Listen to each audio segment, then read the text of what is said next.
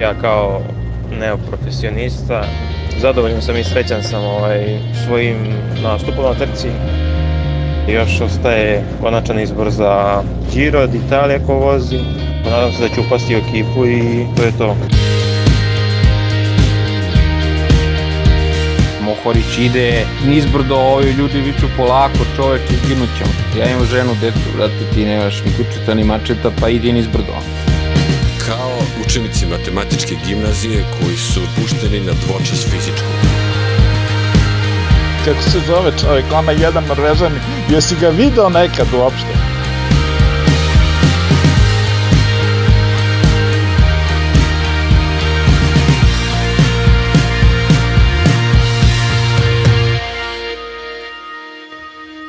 Svet e, biciklističkih priča, Bici svet, e, nova epizoda, novi podcast. E, tri dana je ostalo do završetka Tour de France-a, trke pršte na sve strane, vozi se Giro d'Italia za dame, voze se ozbiljne trke u Italiji kao priprema za Giro i ostalo je još par dana tura da, rekao bih samo, Roglič stavi tačku na ovu žutu majicu, ali da mi pre toga pređemo sa našim Pavlom rezultate od prethodnih dana. Izvoli Pavle. Da, krenemo odmah e, sa damama. U toku je, kao što si rekao, Giro Rosa. Četvrtu etapu je dobila Elizabeth Banks, petu i šestu Marijane Vos, a sedmu Lotte Kopeki. I tu etapu ćemo pamtiti po padu Annemiek van Vluten, koja je stigla do cilja, međutim ona neće moći da nastavi trku. Ona i dalje vodeća u generalnom plasmanu. Prva iza nje je Kataržina Nijeva doma sa 15 sekundi prednosti u odnosu na Anu van der Bregen. U odnosu na prethodni podcast završen je Tirano Adriatico, odnosno odvožena je osma etapa, hronometar e, od 10 km po ravnom, pobednik je Filippo Gana, u generalnom plasmanu je slavio Simon Yates sa 17, odnosno 29 sekundi prednosti ispred Gerenta Tomasa i Rafala Majke. U sredu i četvrtak su uvožena dva mini klasika u Italiji, Giro della Toscana, na kojem je slavio Fernando Gaviria i Copa Sabatini, gdje je najbolji bio Dion Smith. U utorak je počela trka Škoda Tour de Lux Luksemburg. Prvu etapu je osvojio Diego Ulisi, drugu Arnaud Demar, a treću John Degenkolb, kojem je to prvi triumf u dresu Lotto Sudala. Sjetit ćemo se da je on zapravo počeo Tour de France, na prvoj etapi je pao i uhvatila ga je rampa. Na ovoj trci vodiću generalnom plasmanu je Edvard Mihal Grosu, voze se još dve etape.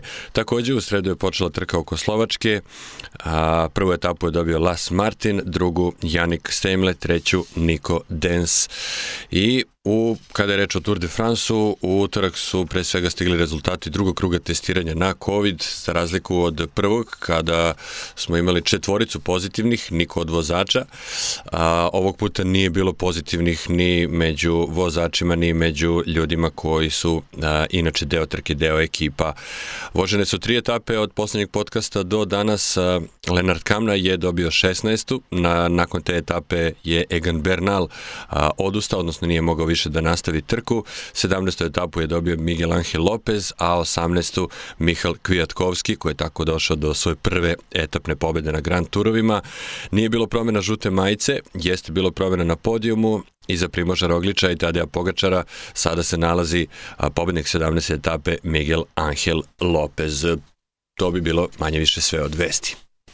To je ukratko suma ovog ove trkačke nedelje koja je za nama, hvala Pavle, samo da kažemo da je na trci u Luksemburgu i Rajović, e, da radi za svog sprintera Edvarda Grosua, on se tamo odlično bori, bio je drugi iza, iza Tegenkolpa, i da je Veljko vozio ove dve trke u Italiji, i sad ćemo čuti upravo od Veljka utiske koje on nama poslao i sumirao sa Tireno Adriatico trke sa prave prve ozbiljne trke posle onog e, trkanja po pustinji u februaru.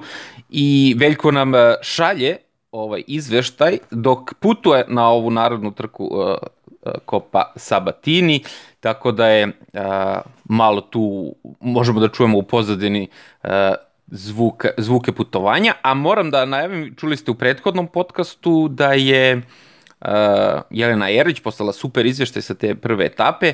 Jeka inače tamo, verujem, ne pratite, čas je gore, čas je dole e, i šalje nam izveštaje svakodnevno i morat ćemo, sjajni su izveštaje, morat ćemo da napravimo posebno jednu epizodu i to najavljam za, za e, sledeću nedelju kada se završi Giro Rosa, Giro za dame, kada se završi Tour de France, objavit ćemo posebnu epizodu koja će biti Giro Rosa, izveštaje Jelene i Erić, koja stvarno ima, ima fantastičan taj uh, insight koji, koji nam prepričava, ono, bukvalno nas vodi kroz Italiju, Jeka je fantastična i, i ovako kao osoba, a naravno i kao sportista. I stvarno, ono, kad slušate i kad pratite, kad budete posle ispratili šta se sve izdešavalo, šta je ona sve ispričala, Jeka je bila praktično tu pravi prorok, ali da ne remetimo e, sad e, tu našu zakazanu šemu. Čućemo prvo Veljka i njegove utiske, a onda posebna emisija o Jeleni, pa da čujemo šta kaže Stojnić. Pozdrav svima, pozdrav za Bici Svet i slušalce. Evo javljam se posle Tirena, sad je prošlo već jedno 2-3 dana. Ovaj, kako se završila trka, to je druga ove godine World Tour trka, a te prva od kako je krenula ovaj, opet sezona. Trka je protekla bolje nego što sam očekivao. Iskreno nisam znao da li ću je završiti jer su govorili stvarno da je jako teška jer mnogi dođu da pripremaju i klasike ili Giro, tako da se ide svaki dan pun gas jer 7-8 dana Tour vozači mogu da izdrže bez problema pun gas. Dok ja kao neoprofesionista ovaj, je već, već malo teže, ali, ali zadovoljan sam i srećan sam ovaj, svojim nastupom na trci. Bio sam dva puta u begu, prvu etapu, gde sam se jako loše osjećao, lošije nego poslednji dan trkanja otprilike. I peti, peti ili šest etapa, ne, ne sjećam se tačno. Ovaj, tako da zadovoljan sam, ono na čemu, skonto sam, na čemu još moram da poradim i i da sam tek sa 21 godinom tu sa njima. Vidim gdje imam još mesta da napredujem, tako da naredni teren mislim da ću bolje već da, da ovaj, odradim. E, tako da ovaj, od onoga što mi je bilo wow jeste da kako, kako zapravo idu Tour vozači i da kažem najbolji na svetu. To je stvarno ovaj, jezivo. Tu još treba koja godina mukotrpnog rada da, da bi ja bio i ole blizu, da bi se mogao s njima trkat verujem. Ovaj, tako da vidjet ćemo, vidjet ćemo kroz koju godinu još šta će biti i kako će biti.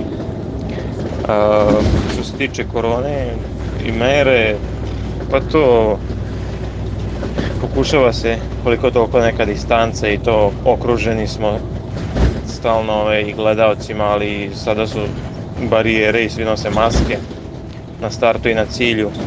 Dok u toku trke uz brdo može se naći ovaj, tako neki gledalci bez maski koji su blizu i to, ali ni biciklisti ne razmišljaju u datom momentu da o koroni, pošto svi idemo većinom pun gas, tako da kako mi razmišljanje o koroni, daj da spasim živu glavu i držim to čak ispred. Tako da, što se tiče ovaj, tih mera, imali smo i testiranje, peti dan, tako da, ono, mislim, ok, to sve ne može se to baš nešto previše, da kažem, o, izolirati ili nešto, ali, ali ok, ajde da kažem, na Grand Touru će verovatno biti mnogo strožije i na još višem nivou. Tako da, to je to. Za sve u svemu zadovoljan sam i do sledeće trke, evo sada. Juče sam vozio Giro della Toscana, gde nisam završio, osjećao sam se baš loše. Nisam mogao ovaj, da držim grupu na, na brdu kad su zategli, što je što je onako malo poražavajuće, ali treba uzeti u obzir da sam vozio na Tireno i da sam umoran i telo se sigurno malo ulenjilo u danu odmora. Tako da danas evo već vozim uh, Opa Sabatini što je malo teža trka nego Giro della Toscana ali nadam se i mislim da ću danas bolje da odvezem jer ovaj, i juče sam malo da, kako kažem, aktivirao telo, tako da vidjet ćemo. Ostaje još 19.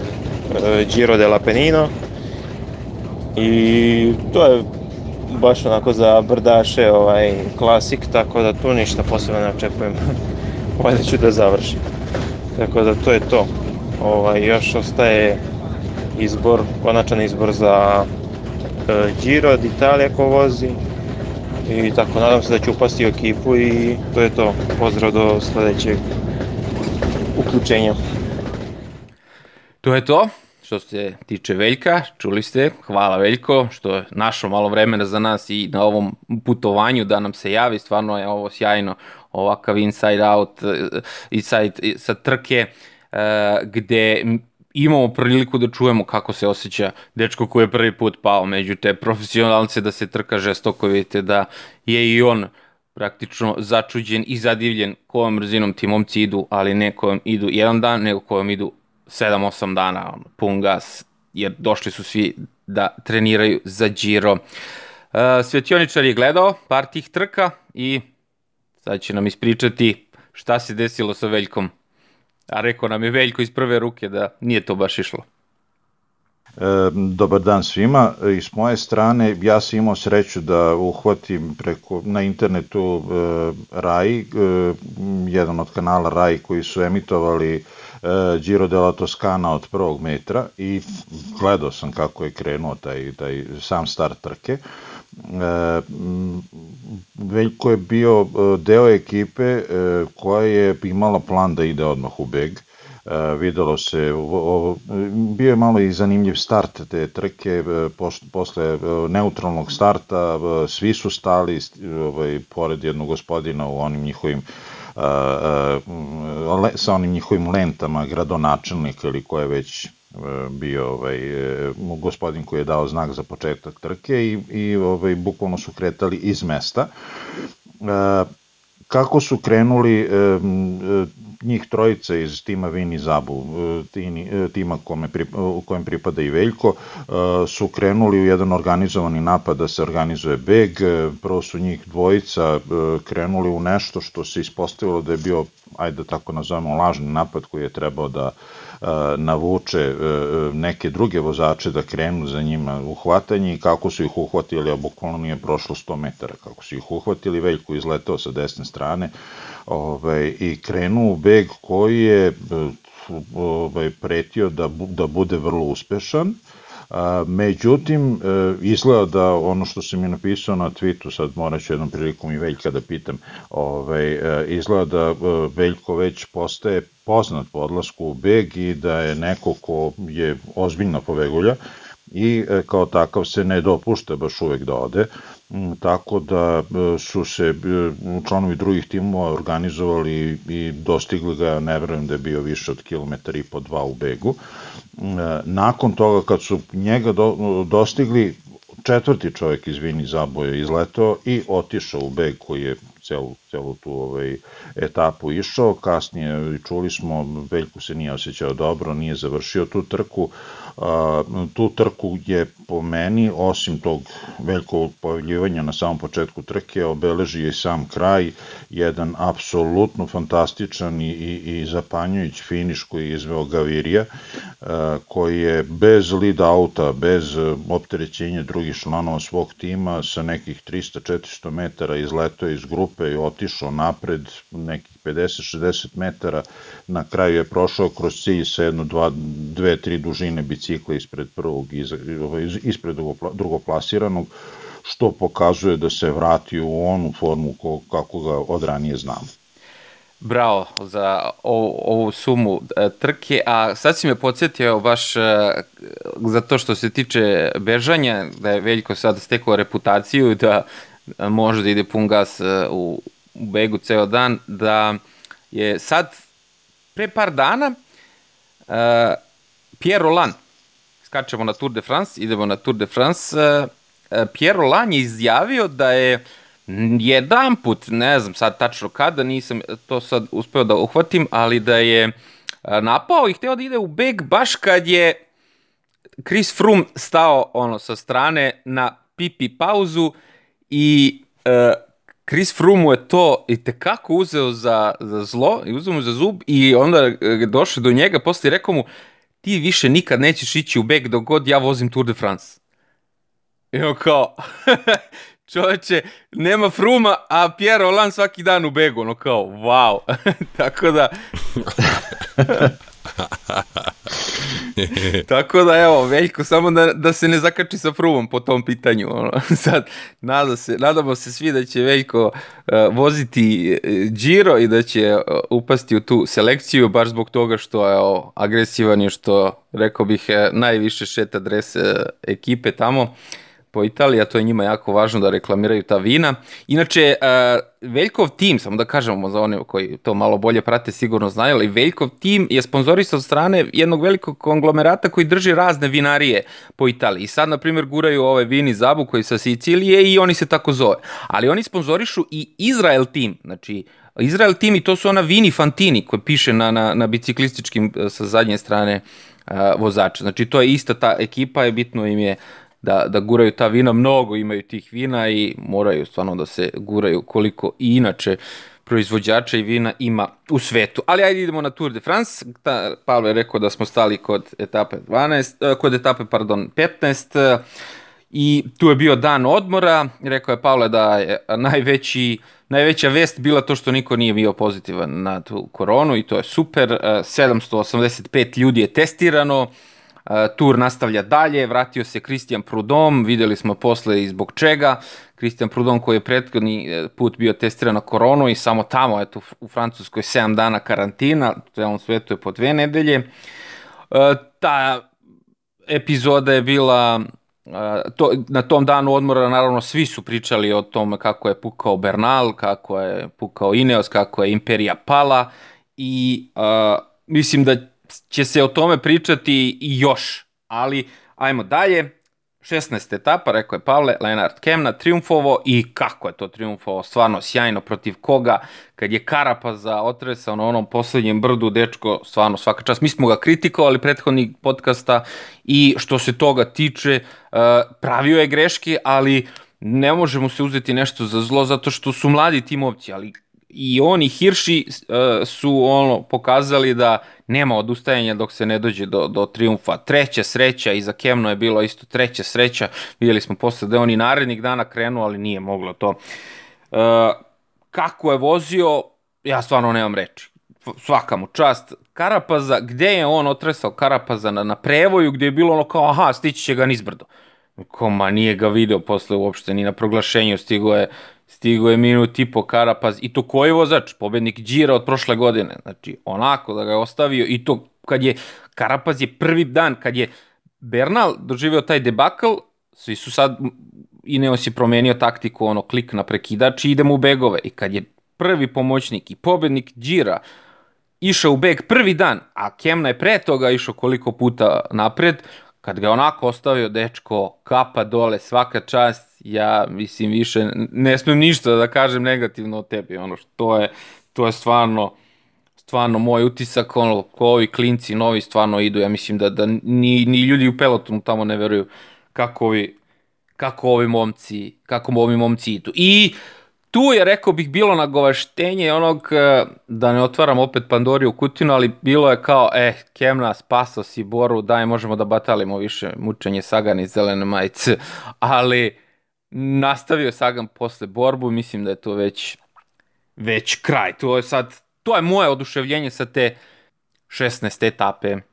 16. etapa ne samo što je donela pobedu Kamni koja je čista kao suza i e, s jedne strane zaista e, divno je da se isplatio sav njegov trud od prethodnih dana i njegovi pokušaji koji su mu za malo propadali ali pokazuje, što, što je rekao Đorđe, tu neku novu taktiku Ineosa, što pokazuje da su do nekle, da više nisu onaj rigidni tim, kada, kada ovaj, propadne glavna, glavna ideja i glavni vozač, oni se bukvalno raspadnu. Sad su pokušali da ove, pred kraj spasu što se spasti može, na kraju su i, i, i donekle, u stvari u velikoj meri uspeli, ali ono što um, pada u oči kada pogledate ovaj, e, listu na 16. etapi, kada pogledate podijum kako su stizali vozači, da na vrh su stigli vozači koje mi e, praktično ceo ovaj Tour de France nismo videli. Znači, e, bukvalno kao da su svi pomoćnici u jednom trenutku im je rečeno, e, više nema ništa od naših ljudi, teraj. E, tako da e, Reichenbacha, ne sećam se kad sam posljednji put vidio na podijumu, znači videlo se da od, od Pinoa nema ništa. Sivakov se je ovaj, stigo kao četvrti, Geške peti, e, Warren Bargil šesti, koji isto, znači to je isto bilo a, nagovešte onoga, u stvari totalna predaja Arkea Samsung, Samsung, pošto smo svi videli da Quintana više nije Quintana, barem ne na ovom Tour de France-u. Mm, tako da, osim te neke, e, ma, ajde da kažemo, te ružne scene da, da jedan od velikih favorita Bernal se predaje i napušta Tour de France, drugi utisak je da se pojavilo, barem na ovom Tour de France, to ćemo vratno detaljnije pričati i nekom drugom prilikom, jako puno novih imena koji su, nešto su budućnost e, e, biciklizma, nego oni su prihvatili tu ulogu i bore se, kidaju bukvalno na svakoj etapi. Ja, kada sam video tu situaciju sa Bernalom, lično sam mislio da se on trudi da ostvari što veći zaostatak ne bili u narednim danima. Znamo kakva etapa je bila vožena u sredu, eventualno probao da ode u beg, da dođe do etapne pobede, međutim oni su ipak shvatili ili odlučili da apsolutno ne može dalje i da ne vredi da da ne vredi više da vozi, da sad ne ulazimo u to da li je to u redu da tako napušta trku ili ne. Moramo da ulazimo u to. Dobro, ovaj, Pa dobro, pa ne znam šta onda da donese lekarsko opravdanje sledeći put. Mislim, jeste, stvarno jeste sporno, pogotovo. Ja sam pričao recimo na prve nedelje kada je Pino ispao iz konkurencije za generalni plasman, meni je tad bilo u redu da on tad ode uh, kući i da se pripremi eventualno za Giro. To bi imalo smisla jer bi on mogao nešto korisno da uradi umeđu vremenu. Šta korisno može da uradi Bernal za ova 3-4 dana? Stvarno ne znam, volao bi da nam neko kaže. Hoće da se pripremi za Giro, neće, pripremaće se verovatno za Vueltu, hoće 3-4 dana da mu znači, mogao je lepo da se vozika, da dođe u Pariz, da dođu na eto, nekakvu žurku, imaju sad jednu etapnu pobedu, umeđu vremenu ovako nekako stvarno ne znam kako može i da pogleda ove svoje timske kolege u oči. Pretpostavljam da stvarno delite to neko mišljenje. Samo da a, kažemo da je ovo Svetjonić što je rekao za, za ove mlade momke da se, da su uneli novu, novu dimenziju trkanja, bukvalno. Kažemo da je, da je Kemna praktično san Webovo dete. On je isto kao Hirši tamo potekao. Tek od ove godine on došao u Bora timu i nosi taj duh, tačno se vidi da nosi tu borbenost. A 2018. Kemna je bukvalno hteo da batali. Znači, pre nego što mu je i počela karijera, on je hteo da, da, da odustane od biciklizma, imao je veliku i, i dugu pauzu. Pa ako hoćete, pre nego što se eventualno bacimo na Bernala, samo eto ja da iskažem koliko mi je izuzetno drago zbog Bore da je došla do etape. Silno su se mučili, ostali su bez Buhmana, ostali su, da kažemo, bez Sagana, danima su malo tu lutali, negde grešili, negde vozili dobro, negde zaista činili neke međufaze ove trke veoma interesantnim. Strašno mi je drago da su došli do etapne pobede, videli smo slavlje njihovo u autobusu i simptomatično ono što je istakao isto Đorđe na Twitteru, videli smo razliku između klana Sagan i klana ostatak sveta u Bori i vratio bih se ono što smo rekli u prethodnom podcastu da će oni ipak da prežive bez njega, imaju solidnog sponzora, imaju lepu ekipu neke dečice koja eto uči da se trka i počinje da donosi rezultate. Eto samo toliko. To je, završavamo, znači sa etapom broj 16 i idemo na etapu uh, broj 17 gde tog jutra nije startovao Bernal. Stvarno moramo da, da, da se zadržimo na toj temi jer uh, Bernal je posle te 16. etape ceo dan dugo sedeo i e, stajao, to jest posle linije i pričao sa novinarima i videlo se da je razočaran i svi kažu da je dečko iskren i više nego što treba i videlo se da on je rekao da hoće, da želi da završi Tour de France. I znači, e, ovo je prvi put da njemu krenulo su kola nizbrdo. Gde god je startao, on je pobedio. Velika, veliko breme on veliko breme on nosi. I, i Svetioničar i ja smo imali tu polemiku oko toga. Meni se nije svidelo tu, ja mislim da je odnos ekipe taj, e, Batali, nemaš ti šta tu da tražiš više, to je to, idi kući, a ostali će da ostanu tu. A ono što im Pavle malo pre rekao, ono nije fair praktično sa prema ovim timskim kolegama.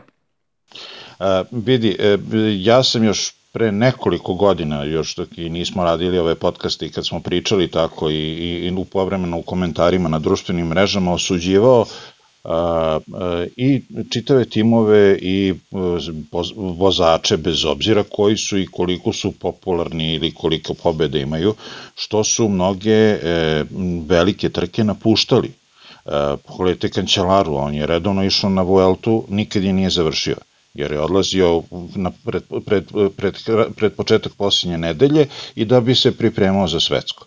Evo sad imamo primer, niko ne pominje što je Stefan Kung napustio Tour de France, otišao je da sprema hronometar za svetsko. E, znači, s te strane, apsolutno e, e, nisam za to da se, da se napušta trka. Znači, napuštaš trku iz e, nekih trening razloga i da bi se spremio za neku drugu trku, pa izvoli snosi neke konsekvence. Da li materijalne, da li da ti se oduzimaju pobede koje si ostvario ili ne, to je već druga i široka priča. Ovo je ipak drugačija priča i tu sam recimo uh, saglas sa, sa Pavlom, da šta radi ovaj, e, Thibaut Pinot sad na Tour de France?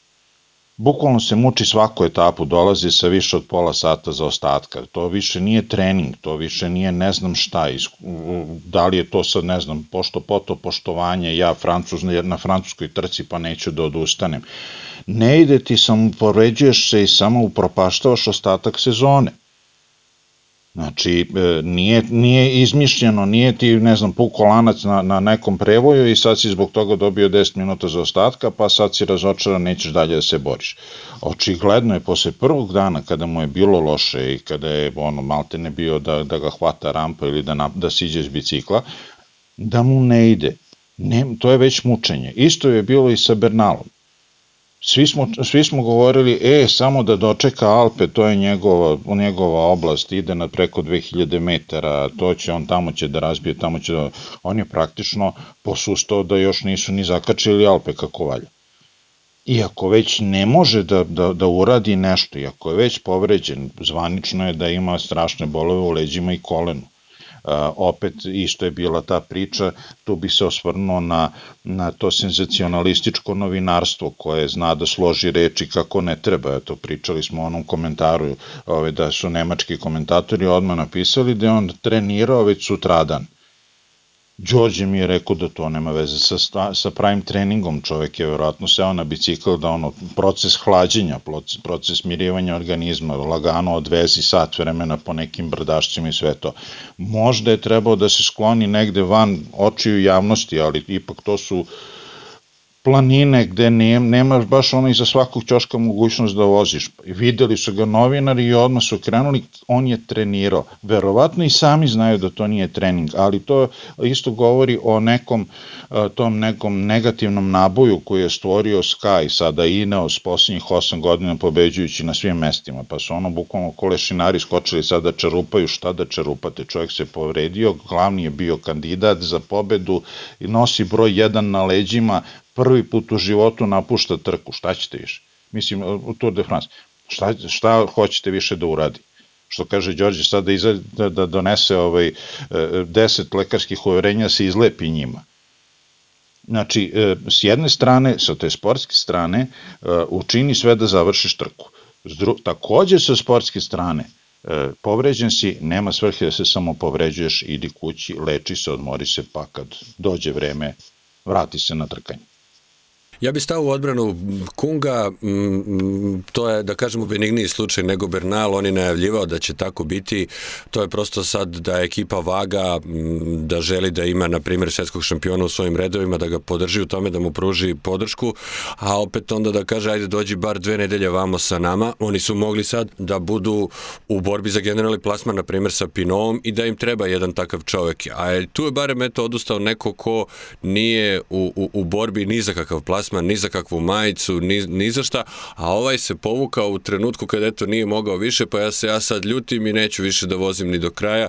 I istina je tu negde eto u sredini, stvarno ne možemo povređenog čoveka da teramo da, da vozi još 500 km, a opet nekako u ponedeljak su stizale izjave da je on i dalje u redu, da može da se prebacuje na, na, na etapne pobede, pa eto, tako da eto, sve, sve jasno, sve smo već rekli ova sezona je praktično vanredna, jer svi znamo kako, kako je ona funkcionisala. I sad, ovo što je Svetioničar rekao za kančelaru, da pre toga, znači, vozači, vozači koriste trke da treniraju za druge trke.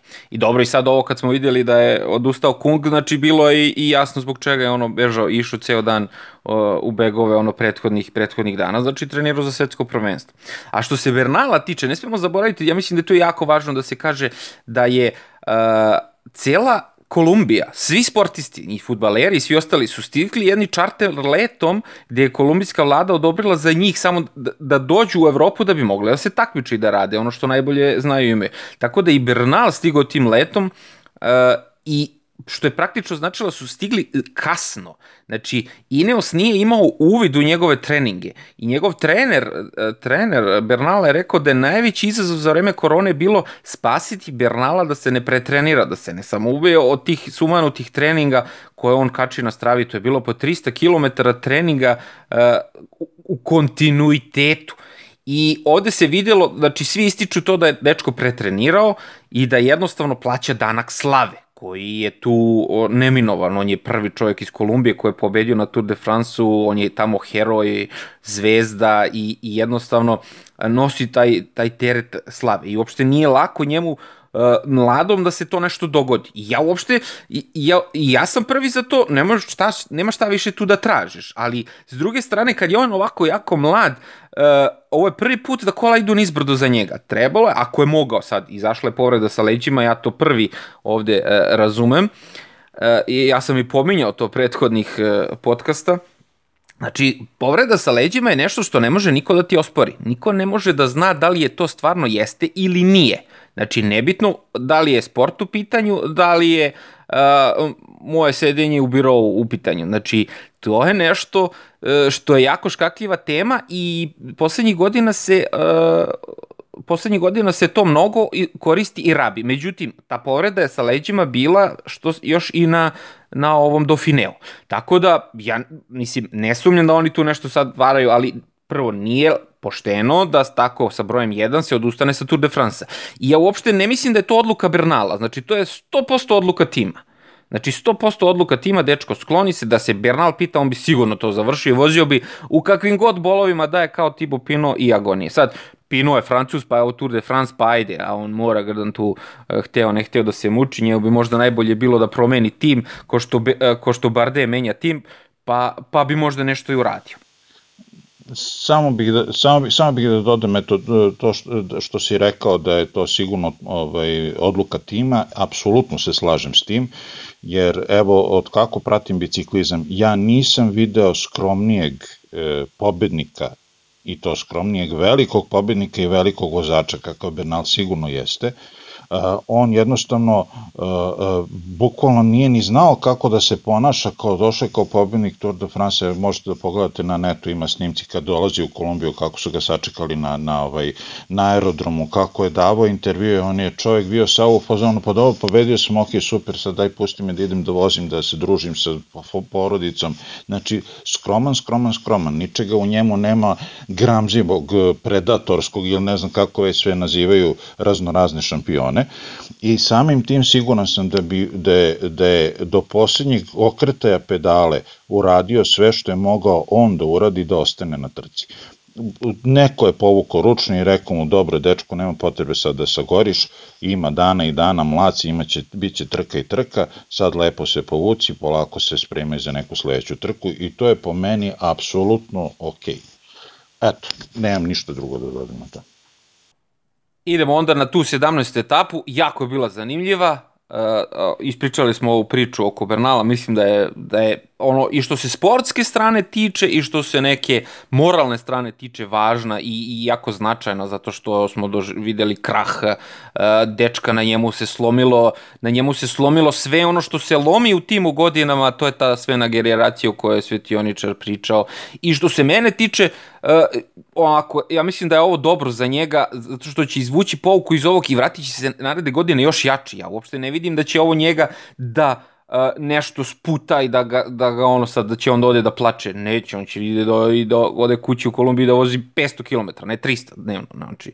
I, I vratit će se sledeće godine još jači što će učiniti uh, posao i Rogliču, i Pogačaru, i svim ostalima koji žele Tour de France da osvoje još težim, a imaće u sebe pomoćnike kao što su Richie Port i kao što su Adam Yates koji su ovde u, u prvih 10 bili do tog dana dok je i on uh, i on se borio tu za generalni plasman. Idemo etapa broj 17, Col de la Loze, bezobrazno strmo brdo na kraju i tako teška trka, mi smo i pričali i, i u uvodu ovaj uh, podcast da je ovako teška trka praktično ubila sve ljude jer niko nije hteo da napadne, niko nije smeo da napadne zato što to poslednje brdo bilo ono kozja staza asfaltirana da, da se bukvalno spoji to skijalište sa Kurševelom koje je sa druge strane, znači ovde su išli na koliko, 2400 metara nadmorske visine, išlo se na tempo, na tempo, na tempo i na kraju je bilo ono borba čovjek protiv čoveka, bukvalno i triumfovao je niko drugi do Superman Lopez i mislim da je na ovoj etapi stavljena tačka na taj, na taj podijum. Ali meni najveći utisak, ono što, što sam i prethodnih podcasta pričao, je da svaki tim ima svoju taktiku. I ovde smo prvi put videli Bahrein, koji je vozio ceo dan, koji je e, vozio za Landu, gde smo videli Kolbrelija, sprintera i sve, i videli smo i Polsa, i oni imaju svoju taktiku i krenuli su i vozili ceo dan. I kad je došlo do onog da treba da se ide, prvi je otpao Landa, ali uh, možemo mi sad da ih kritikujemo koliko god hoćemo, ne smemo zaboraviti da oni prvi put ovo rade da je ovo prvi put uvežbavanje za njih. I ja bi s te strane pohvalio to i Roda Ellingworta o kome Pavle stalno priča da, da tek treba da preuzme ekipu, da je ovo bila prvi put prilika da oni pokažu da su tim, da treniraju, da vežbaju, išli su, jer kako drugačije trenirati, kako drugačije vežbati, ovo nemaš na treningu se vežba, ti voziš ceo dan, oni jako voze svi zajedno na treningu ceo dan. Znači, ovo je ono, popreš se na brdo Col de la Madeleine i kreneš svi svoji momci ceo dan i svi znaju da treba da napadne čovek i na kraju on slavno propadne, ok, svaka čast, bravo, probali ste, nije išlo, ali trenirali ste za sledeću godinu, o, ovo meni, meni to, kažem, najveći utisak celog ovog tura. Svaki tim ima neku taktiku i svaki tim je sprovodio i Bahrein je imao taktiku i to je slavno propalo. I Jumbo Visma, ja sam uh, napisao da ono, je Sepp Kus na kraju otresao Rogliča, Naravno je Rogla rekao kao, e, kao rekao sam mu ja idi, neće. kaže, je mali me otresao, nisam mogu ga držim, to sigurno tako. Ali i sa njihove strane je ovo prvi put da oni to rade. Znači, gore gluposti je pravio Sky 2012. godine. Si mi reči iz usta, ja sam zaista teo da, da prepustim taj finiš trke i tih poslednjih hiljada, hiljada i po metara vama dvojici, da, da to naseckate na, na sitna crevca. Ovaj, zaista je taj utisak bio taj Bahrein koji je prvi i u, u ovoj trci osim Ineo sa jedini koji je stao i koji se poređao ispred Jumbo Vizme i rekao, ok, mi ćemo sad danas da uradimo nešto. Za, e, samo brdo kao takvo, u stvari sam ceo Tour de France kao takav jednostavno ubije vozače ako nisu 200% spremni i e, bilo je malo je žalosno gledati toliki trud koji su uložili sate i sate vukući napred kad, je, kad smo svi očekivali dobro sad će Landa nešto da uradi, onda Landa propade na kraj grupe i jedva stigo ne znam koji već sedmi. Ovaj, e, ono što je takođe e, mi je palo u oči e, eto, pomenuli ste Kolbrelija, Kolbrelija što je e, apsolutno za svaku pohvalu, ja bih pomenuo i Mohorića, koji je odradio junački svoj deo ovaj, posla, e, svoju smenu, aj tako da nazovem, i e, koji bi mogao, od koga bi mogao ceo Bahrein da prvo nauči kako se spušta. Na prvo jedn, velikoj nizbrici gde su bili, gde je Mohorić bio preuzeo na sebe da spušta, jedan put Mohorić ode za 20 dužina bicikla ispred njih i oni ne znaju da ga, ne mogu da ga nahvataju, pa viču za njim stani bre. Pa znači, bukvalno ako imaš takvog, jedan, takav biser u timu, pa iskoristi to, pitaj ga kako to radiš, daj hoću ja to da naučim da radim. Znači, nije to samo ono isključi e, prekidaš za strah, nego tu je i, i taj aerodinamični položaj koji se zauzima i biranje linije krivine i nagiba bicikla i tela u odnosu na, na, na površinu. Znači, sve to kod, kod, kod nekih ljudi je dovedeno do savršenstva. Nibali, Mohorić, Sagan, oni su ap, apsolutno najbolji spuštaši.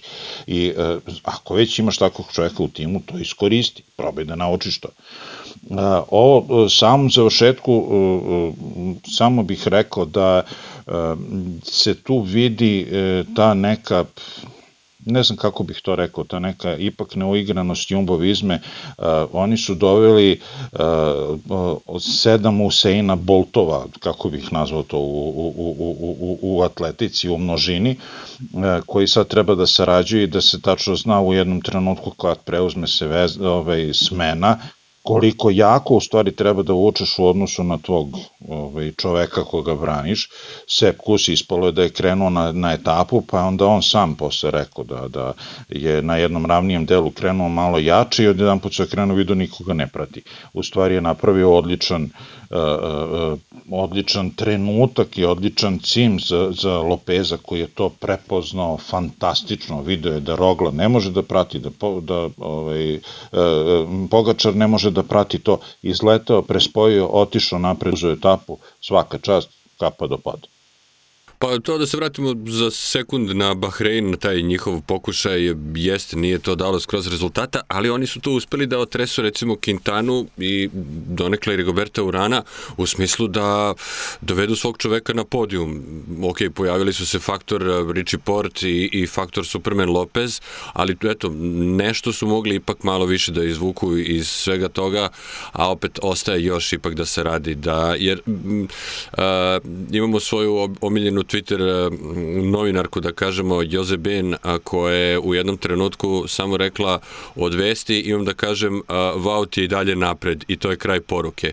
U tom trenutku, dakle, nije apsolutno uspeo Bahrein ništa, ništa, ništa da uradi, nimalo da ogoli nekako jamovizmu, tako da, ovaj, drugi put, ali eto, lepo je bilo vidjeti da još jedan voz tu nešto pokušava. Mislim da su oni bukvalno vozili tad za Ellingworth i rekli su, slušaj, ovo nam je pretposlednja prilika da ovo malo probamo, da imamo da li to tako možemo, da li taktički trebalo je pustiti naravno da, da, da Visma radi napred, pa da drugi nekako, da se oni malo dodatno troše, ali mislim da je svima bilo jasno da oni ne mogu prosto da se potroše i, i, i, i taj eto napad Bahreina je bio pokazatelj da, da ne mogu da se potroše. Ja bih samo istakao, bilo bi jako lepo, jer tu smo videli na otprilike 5-6 km do cilja smo videli skoro izolovane samo lidere, dakle samo jedinice iz svake ekipe uz tu još po nekog, već na 5-6, od, odnosno čak na 5-6 km do cilja. To je nešto što sad u poslednje vreme viđamo samo na poslednjih 700 metara u, na brdu da neko skače poslednjih recimo kilometar, kilometar i po. A ovde je bilo onako, baš je naravno bilo predugačko brdo i bilo je materijala za to i to mi je bilo onako, meni to bio raj jer uvek želim da gledam tako je taj njihov kad ostanu jedan na jedan a ne da voze sad 700 metara u takvoj nekoj situaciji, nego da voze 5 km tako. To mi je to baš glavni otisak sa te etape. To je da, stvarno super, ali ono što sam rekao na početku, stvarno bilo bezobrazno, bezobrazno strmo. Znači, i to je ono, uh, bila ova, što kažu, slow motion trka poslednjih tih par kilometara. Uh, zato što Pogačar je vozio napred malo šajnu 36 zuba, a pozadje je imao uh, lančanik sa 32 zuba. Znači, kao Mont Bike, skoro, ja ne znam sad koji su prenosi na Mont Bike, ali to je skoro jedan na jedan. Znači, jedan obrtaj napred, jedan obrtaj pozadje. Znači, toliko je bilo strmo kad čovek Pogačar, koji je najjači čovjek na trci, je vozio to, pa šta je radio Grajpel, on je bauljao, ono, de, i, i, pozadi uh, ostavio je tweet kao ovo je dan kad sam uh, žalio što nisam imao patike, da, da idem peške, ono, kao nisu mi trebale sprinterice za pedale, nego, brate, nije mogo čovjek da izađe, ono, narednog dana je i, i odustao. Tako da, s te strane videli smo, što kaže Pavle, to bo, sami vozači jedni protiv drugih, ali mnogo bilo strmo i nije bilo za svakog. I uh, jedino je Sepp Kus tu ostao, a ako ste primetili, ako ste gledali, Sepp Kus se ponekad dosta puta vozi iza Roglića. I tu je uh, kod njih jedna posebna veza, uh, Sepp Kus je jako mlad i ono kao se neko se pita jo, kako, kako idu ovi klinci.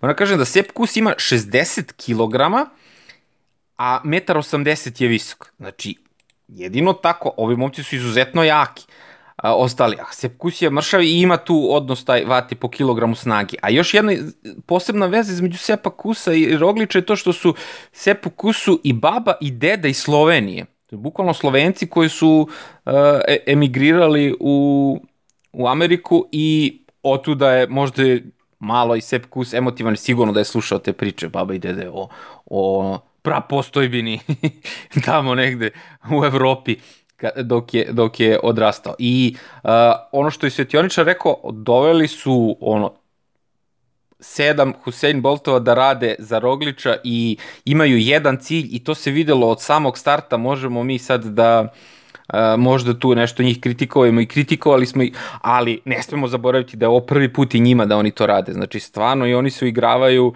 i super je bilo vidjeti Bahrein koji se tu uigrava za neke možda naredne godine, za neke naredne trke. Landa možda bude vozio Vueltu, mora tamo isto da se uigra ekipa da to vuče i ovde se uigrava Jumbo i to je nešto što mislim da ćemo gledati i narednih godina. Jer sad za Pogačara očigledno je bilo nema čovjek tim. Ali znači, Emirati, to jest bivši Lampre tim, oni moraju sad da, da skupe da s konca iz konomca da uzmu Arua i da ga tamo malo ono, dečko, ili ćeš da radiš ili nećeš budeš u timu. Znači, da skupe, kao što je pričao Svetioničar da uh, San Web nikada nije uradio za Dumulana, sada je svima jasno da ne može ništa da se osvoji bez jedne ovakve ekipe kakva je uh, jake ekipe kakva je ovde bila Jumbo. Pa koliko god da su uigrani ili ne ne uigrani i to je to je, mislim, isto meni uh, ono, za naredne godine uh, nešto što čemu se radujem, jer neće biti samo taj, kaže Pavle, crni voz na čelu, a crni voz je ovde hvatao bukvalno poslednje ono momente da uh, da se izva, da se izvade kestenje iz vatre jer i na ovoj etapi Karapaz bežao ali nije izgledalo je na kraju kao e možda i može da izdrži ali stvarno je Karapaz fantastičan fantastičan vozač bio na ovoj etapi, nije uspelo i treći dan, tri dana za redom je on bežao.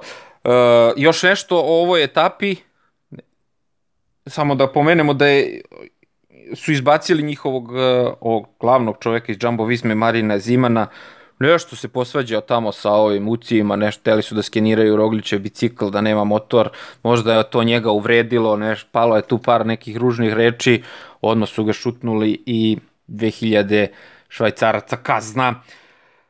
Etapa broj 18, nakon koje mi snimamo ovaj podcast, ostaje još 3 dana, ostaje još borba na hronometru, ali etapa broj 18 gde je Ineos pokazao koliko su zaista jaki, gde su ceo dan tukli, bežali Karapaz i Kjatkovski i gde su stvarno pokazali da su najbolji momci na svetu kod njih u timu.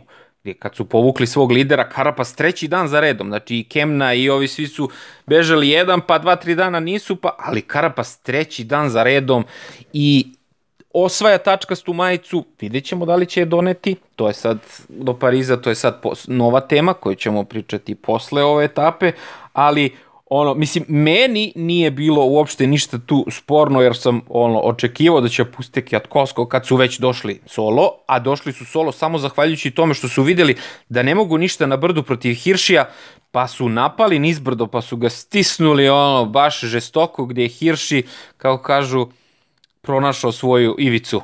I skliznuo i pao, dečko, i to je, i tu je, i, i tu smo i na ovom turu videli da nije dovoljno ići samo dobro uzbrdo. Da, I za Karina smo vidjeli da nizbrdo. I ko je Dan Martin, jedan onoj ko je etapi 17 pre toga otpao nizbrdo. Znači, jednostavno nizbrdo je deo trase i deo trkanja. I sad su svi vidjeli da ko ide nizbrdo ide, ovo što kaže Svetioničar za Mohorića, znači Mohorić ide nizbrdo, ovi ljudi viču polako, čoveče, izginućemo, ono, znaš, ja imam ženu, decu, brate, ti nemaš ni kučica, ni mačeta, pa idi nizbrdo, ono, znaš. Buk, bukvalno je tako, mislim, Pa jest. Videli smo i Hiršija koji je ono, dečko se taman opusti kao je ovo dvojica mi ne mogu ništa, vidi kako sam jak i Kvetkovski. Aha, ne možemo ti ništa, sad ćeš da vidiš.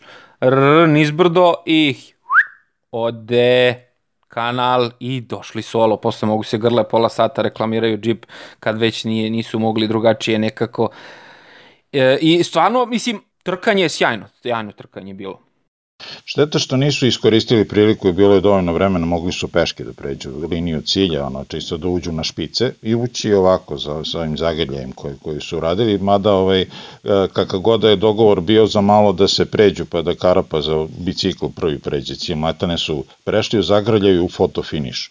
Ali dobro, ovaj, vrlo mi je drago zbog, prvo zbog Kvetkovskog koji je godinama ostavio i dušu i telo i srce i noge i sve živo što je imao po, po raznoraznim brdima vukući za fruma e, i gledali smo ga ne u jednom kako bukvalno zakucava i kako više ne može ni da okreće pedale nego bukvalno siđe sa, sa, ovaj, sa bicikla i čeka da se, da se vrati dah i da se vrati srce u normalu pa da nekako se dovuče do, do, do kraja etape. Mm, juče je bio na pravom mestu u pravo vreme sa pravim čovekom, e, Hiršiju se desio taj maler na spustu, pao je e, i imali su više nego dovoljno vremena da u jednom laganom ritmu dođu do, do te linije cilja. Mm, Karapaz je osvojio ogrom, ogroman broj bodova za tačkastu majicu, na kraju će i nositi tačkastu majicu i don, doneta je odluka koja je i sportska i ljudska i nazovimo to kako god, da Kvjatkovski koji inače nikad nije osvojio ni jednu etapu na Tour de France bude pobednik, a Karapazu ostaje tačkasta majica, što je sasvim, sasvim ok, divno podeljen kolač. Ono što mi je e, još jedan utisak na, na, sa ove etape, a to je da u prethodnom danu, taj slučaj koji smo pričali da je Bahrein ceo dan vukao, da je na kraju Landa puko kad je trebao da najviše povuče, ja sam bio prilično iznenađen da je Landa probao da uradi taj neki napad i u jednom trenutku imao i 20 sekundi ispred Jumbo Vizme. E, probali su neku varijantu koju je godinama Movi Star radio. Pošalju dva, tri vozača napred da se razdvoje po, po minut dva rastojanje i onda kad krene Quintana, onda svaki od tih vozača preuzima ga po, ne, po određeni deonicu puta i tako bukvalno kao praćkom izbacuje napred. Nažalost, ova brda su ubili, su se, ubila svu svežinu u svim tim vozačima i to što je Landa imao pomoćnike napred, niti je njemu nešto pomoglo, niti su ti pomoćnici bili neki pomoćnici. Ove, je, više su bili ono, spašave živu glavu, ono, rastanju se s dušom, te sad još i tebe da učem. E, I e, poslednji, znači mogu, mogu bi baš da odužim, ali neću, e, poslednji utisak, e, veliki utisak koji imam posle ove etape, nadam se da se danas neće to pretvoriti u nešto ružno i bez veze, to je da će Richie Port najzad završiti Tour de France i da će ga završiti na jako visoko mesto trenutno je četvrti u generalnom plasmanu, ne verujem da može da napreduje dalje, ali s obzirom to da je odličan hronometraš, ne verujem da može da izgubi to mesto. I e, sad na ovoj etapi koja je bila juče na onom delu koji se vozio po Makadamu, to bih baš volio da pitam gospodina koji je projektovao tu etapu, debre, onolike ljudi se penju 5 km, još im na, na kraju staviš Makadam na vrh planine. Ovaj, kad mu je pukla, pukla guma i kad je onda jurio tih 30 sekundi nedostižnih da, da, da se zakači za, prv, za prvu grupu, razmislite kad ste posljednji put videli u tom delu ovaj, e, neke trke, bilo koje trke, da neko juri grupu vodećih najjačih vozača na trci 30 sekundi za ostatke, da to ne preraste u minut 2, 3, 5, kao što se drugima dešavalo, Richie Port je to prespojio i došao do, do glavne grupe i sa glavnom grupom praktično sa, sa uh, Rogličim i kompanijom završio ovu etapu i ja sam pravo da vam kažem jako srećan zbog njega. Pa e, nekoliko tačaka im, na nekoliko tačaka imam da se vratim. Ajde ovo za početak. E, dosta se pričalo o tome da mu je e, Jumbo Visma pomagala da se tu nešto vrati. Oni nemaju apsolutno nikakav interes, niti on dolazi kod njih naredne sezone, niti nešto da pomažu da brani neko treće mesto ili nešto. Ja mislim da su oni vukli da vrate Van Arta da može da osprinta Pogačara, što se na kraju i dogodilo.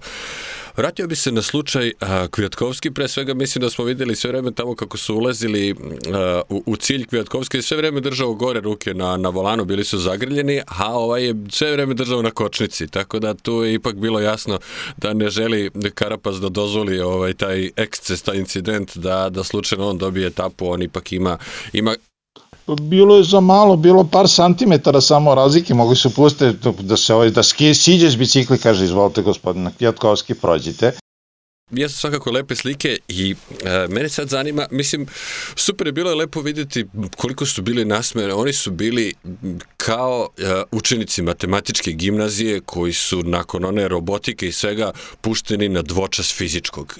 Njima lično nije moglo bolje da se dogodi nego da Bernal odustane, da oni mogu da voze, da se trkaju. I u tom smislu ja sam sad malo maštao šta se dešava recimo sa, a, sa Kvijatkovskim. Koja je njegov njegova dalja ambicija u tom timu. Osvojili su, on je kao deo, setit ćemo se recimo, evo pričam malo pre Peđa pa me to podsjetilo, setit ćemo se njegovog onog bacanja naočara kad je na onom jednom brdu pre par godina, kad više apsolutno nije mogao i oni su tad pripočeli to da rade da on, ako, ako više ne može da vozi, da nije sad samo uspori, nego da stane čovek minut jedan, pa da vozi dalje. Setit ćemo se kad više nije znao bio u transu, on je teo da iskoči iz svoje kože, bacio je te naočare, na kraju se ispostavilo da su da mu je to poslednji par, pa mu je Chris Froome dao za, za sutradan naočare. Samo da, samo da ubacim da su te naočare, naočare koje koštaju da li 200, da li 250 evra što uopšte nije malo za bacanje, nije bidon od 2-3 evra 5 koji je potrošna roba, nego sam je posle rekao, kaže, toliko sam više nisam znao šta, ovaj, a, ni gde sam, ni šta radim, kako, kako samo sam bacio, mi smetalo, ulazim, ulazim u znoj, valjda oči šta li je bilo. Ovaj, I tek posle, ne znam koliko kilometara ukapirao šta je uradio, koliko je štetu napravio, na sreću nekog od posmatrača koji se vratno ovaj sad diči divnim naočarama koji puno koštaju. Šta sad on dalje radi? Nekako osetio je a, a, čare trkanja, znamo on je nekadašnji svetski šampion, ima 30 godina, a, a recimo da je zaradio dovoljno novca, osvajao je tur i sa ovim, i sa onim, i sa jednim, i sa drugim, i sa trećim, osvojio je dva puta Strade Bianche, osvojio je San Sebastian, osvojio je Amstel, osvojio je Harald Becky, osvojio je Milano San Remo. Da li on u toj ekipi sad ima tu neku individualnu budućnost? Zašto on ne bi vozio za CCC? Zašto ne bi otišao u, u, u Dekunik recimo da se vrati? Ajde, zašto da negde nađe neki tim koji će mu pružiti veću podršku u tim nekim solo akcijama? On da ide na generalni plasman, probao je, čini mi se, jedne sezone na Vuelti, nije to baš uh, uh, nije to baš najizglednije. Mislim da nekako, ako mu se ovako sad zagolica mašta, mislim da on takvog kalibra treba više da radi nego da bude deo crnog voza. I samo, eto, propust Skaja što je on sad jači deo tog voza. On tu treba da bude negde kao sad Luke Rowe, otprilike mislim da možda može on negde nekako a, a, drugde više da nam pruži nama kao gledocima nakon onoga što smo eto videli juče da stvarno m, može recimo da nam, da, da nam pruži drugačije trkanje, da ne bude robot, da kažemo nek se ne uvrede, da, da odzvolimo u pozitivnom smislu eto, da ne bude robot u okviru jedne mašine. Pa, e, Kvetkovski nije od juče u Skaju, to je Ineosu, i uh, on apsolutno zna i kakav je tamo sistem i kako se radi i šta se radi. Ja sumnjam da bolje finansijske moguć, ovaj, uslove može da dobije na nekom drugom mestu, pogotovo zato što, kad si pomenuo Dekionik, Dekionik ili kako god da se zvao u prethodnih godina Quick Step, je tim koji ne daje velike plate, A, znači on ima 30 godina, je, e, ima vrlo bogatu karijeru ispunjenu pobedama, značajnim pobedama, velikim pobedama i sa te strane Miran ne mora da juri neku svoj, neke svoje snove, šta bi on sad sanjao, šta bi sad trebao da, da uradi. A, s druge strane, e, nadiru klinci, to smo već pomenuli i verujem da ćemo jednom pričati samo o njima, o novim imenima, koji ne, ne dolaze sramežljivo, pa kao sad ću 5-6 godina da vučem za nekog, pa ću možda mi se ukaže, bi oni kidaju. Od, prvo, od starta trke ide, kida da pobedi, da uzme, da, da otme, nema veze da li je pao, nije pao, on uspeo na kraju krajeva, možemo da, da, da pričamo i o Hiršiju i o drugim imenima, ali u takvim nekim uslovima, ako mu ponudi poznata sredina, produženje ugovora na 2-3 godine, što ne bi prihvatio? Nema razloga da... A i pogotovo pomenu si CCC, CCC pre, ono, pred ključ u bravu, oni su još malo pa završavaju, ne mogu da nađu drugog sponzora, prolazi vreme. Eto. Ja je, stvarno mislim da se Kviatkovski odlično osjeća tamo u, u Sky timu, što kaže Svetioničar, on je najduže tamo, lepo mu je, ali ono što je stvarno evidentno što da što je Pavle rekao da nije da nije kiksnuo njihov lider, oni ne bi dobili priliku da se trkaju uopšte, ne bi vidjeli koliko su jaki momci. I ono što je stvarno imponzantan podatak da Kjatkovski sa svim ovim rezultatima koje je Pavel ispričao, da mu je ovo ne samo prvi triumf na Tour de France, nego prvi triumf na Grand Tour trci je samo govori o tome koliko je on veliki čovjek, koliko je veliki radnik i koliko, ko, koliko je on važan i vredan u timu, a ja mislim da je Ineos e, razočaran i da će otići kući razočaran bez obzira što smo vidjeli ovo sad njihovu dominaciju a poslednja tri dana. Uh, tačkasta majica Karapazu, ajde, a pobjeda je uh, Kjatkovskom u redu, ali Karapazu nije sigurno tačkasta majica. Znači, aj sad se okrenemo malo na ova tri dana koja predstoje. Znači, ima još jedan dan trkanja za beg, gde će ono biti beri kožu na šiljak ceo dan, uh, još neko će doći do triumfa, možda, kako su jake ove ekipe koje su do sada osvajale, desetak ekipa je uzelo uh, triumf, 11 je bez rezultata, znači svi će želeti u beg, a onda imamo hronometar, uh, na Planche de Belfi koji ima dosta ravnog dela, ali se, uh, je brdski cilj prve kategorije i delit će se bodovi tu. Karapaz ima, uh, čini mi se, samo dva boda iza uh, iza Pogača, ispred Pogačara i delit će se bodovi na toj etapi 74 Karapa, 72 Pogačar. Delit će se bodovi na toj etapi za najbrže ljude na brdu, što Karapazu odgovara. Može lagano da vozi taj ravan deo i da onda ide pun gas brdo.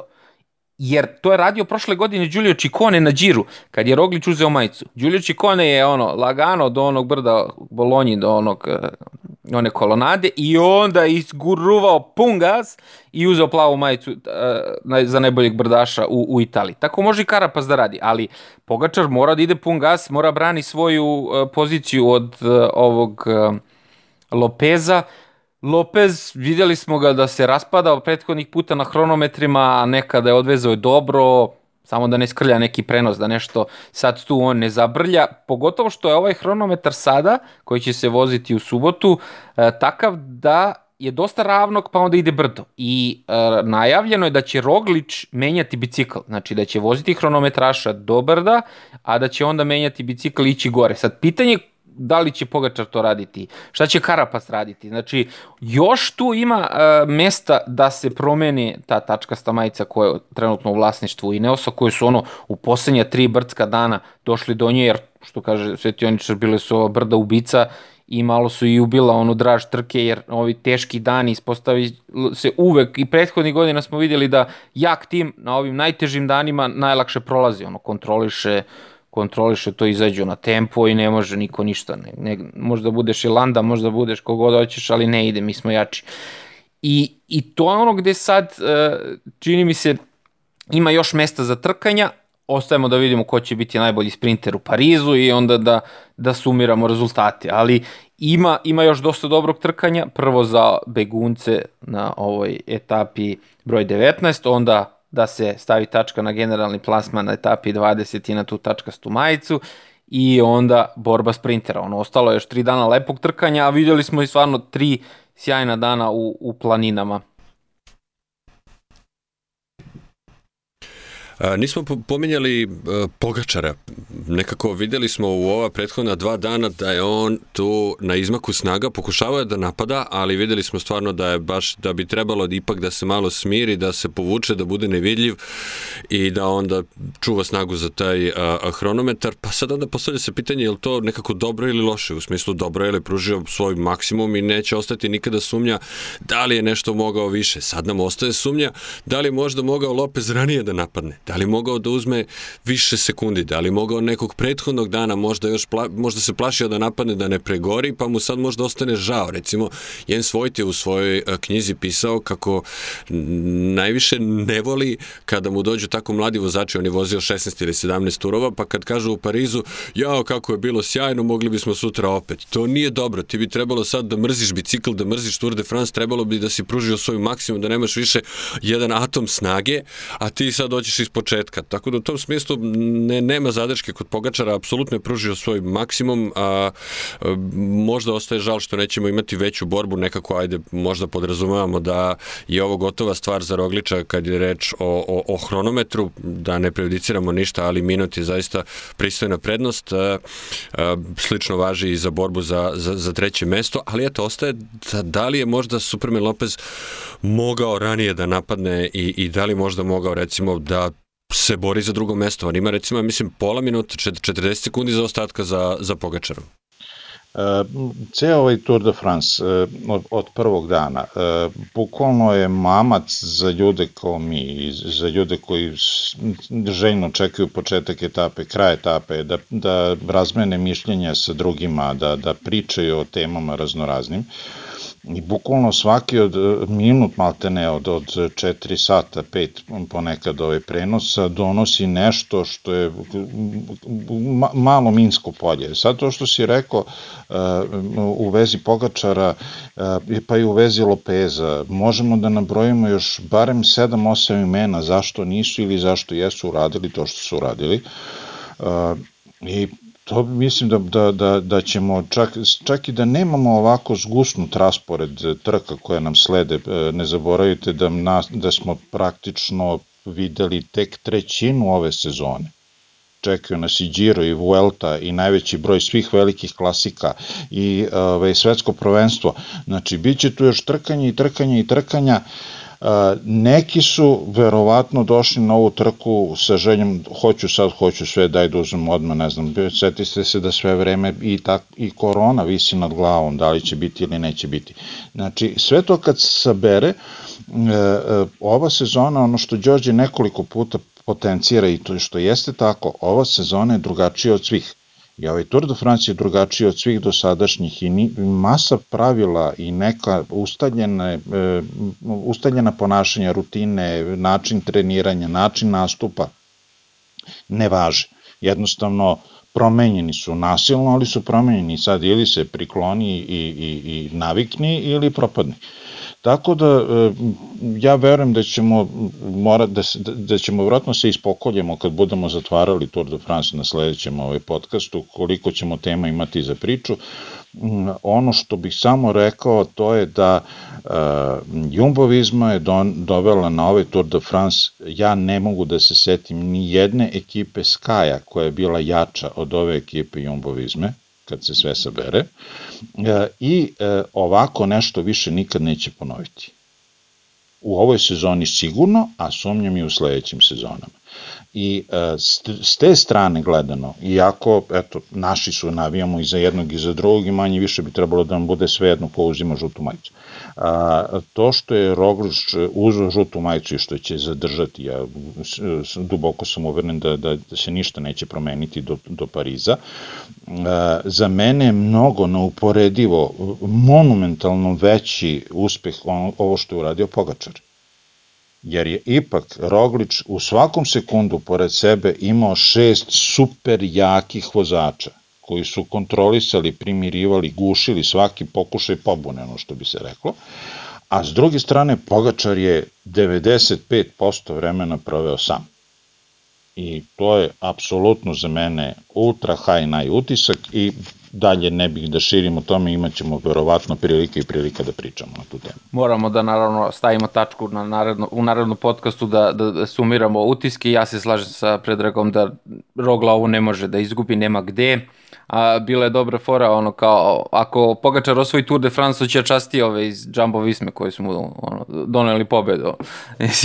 Jer jednostavno oni su stvarno vukli. I onaj utisak koji ja stalno pomenjem da svaki tim ima neku taktiku i da je sprovodi, da je to sjajno i to je sve super i to sve stoji, svi se tome radujemo, ali jedini čovjek koji je imun bio na sve taktike, to je bio Roglič i s pravom zaslužuje tu žutu majicu. Znači nikakva taktika nije funkcionisala protiv njega, vidjeli smo i na ovoj etapi broj 18 da je on izašao po onom zemljanom putu i rekao je momci ja sam ovde gazda, ja sam ovde najjači, svi su malo otpali tu i vidjelo se da ono kao i onda kad su išli nizbrdo ovi ajde vuci te landa malo brate izađi tamo vuci ti hoćeš ići a porta skineš iz plasmana vuci šta sad I, I ono posle što i Pavle rekao da, da je se port vratio zahvaljujući Jumbo Vismi, ali to je to, videlo se da Jumbo Visma vre, vedri i oblači na ovom Tour de France, znači oni određuju ko će bude u prvih deset. Mi hoćemo da Dumulan bude tu i mi vučemo za Dumulana, hoće dođe Richie Port, ko će dođe, koga skine, nas to ne interesuje, mi gledamo svoj interes, najjači smo. A ovo što je Sjetioničar rekao za njihov tim, slažem se, stvarno su bili neverovatno jaki.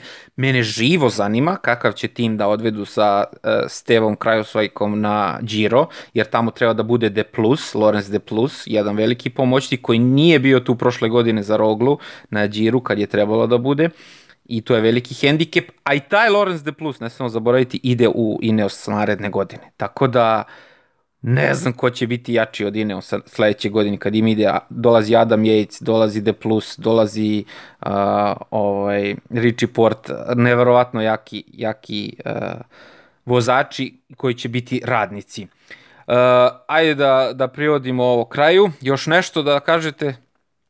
Evo samo jedna e, e, zanimljivost, to jest jedno pitanje i za vas dvojicu i za sve koji nas slušaju. Bez gledanja u startnu listu, nabrojite osam vozača jumbovizme. za Giro? Ne, ne, ne, osam vozača jumbovizme na Tour de France-u. Sve vreme pričamo o njih sedmorici, ko je osmi? Pa ona je jedan uh, norvežanin. kako se zove čovjek, ona jedan norvežani, jesi ga video nekad uopšte? Pa ima tri imena, siguran sam. Jeste, Hogar strašni, brkati. ne, znaš zašto to pominjem? Zato što su doveli čoveka Amon Gröndal Jansen, uh, znači deset puta sam morao da pogledam da, da vidim kako i da probam da zapamtim i nisam uspeo sad čitam sa ekrana, evo priznajem. Uh, ali uh, sve vreme mi gledamo sedam vozača, znači oni su doveli osmog da popuni broj. Taj, tog osmog vozača od prvog metra smo gledali mnoge trke, ja ga nisam vidio jednom. Da li mi on išao po vodu po, ili tako nešto. Jer smo sve vreme gledali njih sedam koji su se tačno po određeno ustaljenom redosledu smenjivali. Znači njih sedam protiv svih koji imaju po osam. I opet su bili toliko jaki. To Sky nikad nije bio. Znaš šta, on ima 80 kila, i doveden je umesto Kruzveka i tu je sad malo tu taktička ta promjena, mnogi su se pitali da li tu sad, međutim oni su shvatili da im stvarno ne treba više brdaša, da im treba ipak jedan čovjek za poravnom da vuče, tako da eto, zaista i tu su eto bili u pravu. Pa si bila bi fora da danas čovjek krene u beg da vidimo i njega. i da uzme etapu. To bi bilo, na, ali najveće ludilo koje bi bilo na, na, ovoj, na ovoj trci. Ali, eto, jedna, jedna od ilustracija e, da su oni 20 e, dana e, vukli i tukli i ubili Boga u svim ostalima sa sedam vozača, jer, kažem, ovog osmog vozača, da, ako je bio u vozu, bio je potpuno neprimetan, nikada nisam bio, video da je bio na čelu kolone, Da li je imao te neke kurirske, kurirske zaduženja da ide gore dole po ovome, stvarno ne znam, ali eto, Nešto je tu to. radio, nešto je tu radio sigurno, jesi nas uhvatio sad sa ovim pitanjem, svaka ti čast, ali ajde, ovaj, baš onako pa. za kraj. Dobra konstatacija kao praktično što kaže Pavle, imali su 20 kila težeg čoveka od Sepa Kusa, ono, mislim, što je za, za ono brdo ubica na onaj Col de la Loze bilo i tekako, i tekako značajno. Ništa, završavamo ovaj e, podcast, e, još tri dana Tour de France, imamo da gledamo, bit će raspletan, najavili smo ga, a evo da i vas, poštovani slušalci, pozovemo da kliknete like, kliknete subscribe, da pratite gde vama odgovara. Na različitim tu uh, audio platformama se nalazimo sada, tu je Apple Podcast, tu je Google Podcast, tu je Overcast, tu je Pocket Cast, tu je Radio Public, tu je Spotify, tu je naravno YouTube i stari dobri naš Mixcloud. Na Mixcloudu možete preslušati sve epizode. Naravno da vas pozovemo da preporučite vašim prijateljima da poslušaju ako mislite da je vredno slušanje ove naše priče sa Tour de France i da još jednom najavimo epizodu, posebnu epizodu uh, Jelena Erić sa Giro d'Italia, sa Giro Rosa za dame koje ćemo u, u narednim danima uh, objaviti kada se i Giro završi, a završava se paralelno sa Tour de France-om. Toliko od nas za ovu emisiju. Prijatno do slušanja. Doviđenja svima. Zdravo, prijatno.